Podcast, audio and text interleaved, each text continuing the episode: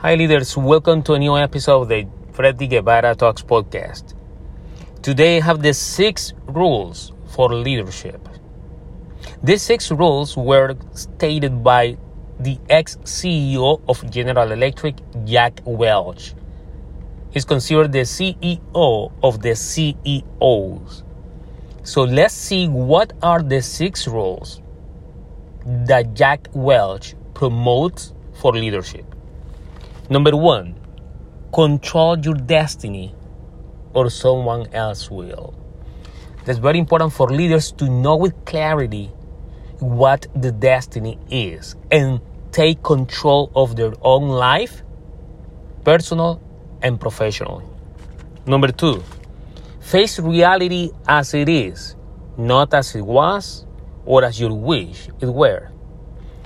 This is one of the most primary activities of any leader. The leader has to face the reality, has to identify and describe the reality as it is, not as it wish it were. So face your own reality. Number three, be candid with everyone. There is no cost of being kind, on being friendly with everyone. Honey, not vinegar, in your relationships. Number four, don't manage, lead. Number five, change before you have to. Why you have to wait until you are forced to change? Be a change agent. Have the initiative to change because you are as a leader.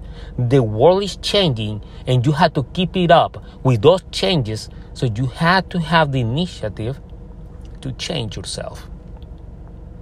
And number six, if you don't have a competitive advantage, don't compete. That's exactly. If your business, your product, your service, or you as a, your own personal brand, you don't have a competitive advantage, you don't have a strength in which to compete or best your competition, you're going to lose in the market. So it's very important that you have a clear, defined, and a strong competitive advantage. You are competing for attention. You're you are competing for money. You're you're competing for time. You're competing for everything with everybody out there in the market. So make sure you have a well crafted and a strong competitive advantage. So maybe you'll have a chance to succeed in the market in today's business world. Thank you. I hope you enjoyed this episode and hope you can learn more about leadership. Keep continuing listening to this podcast. If you like, share and comment. If you don't like, just let it go. Until the next time.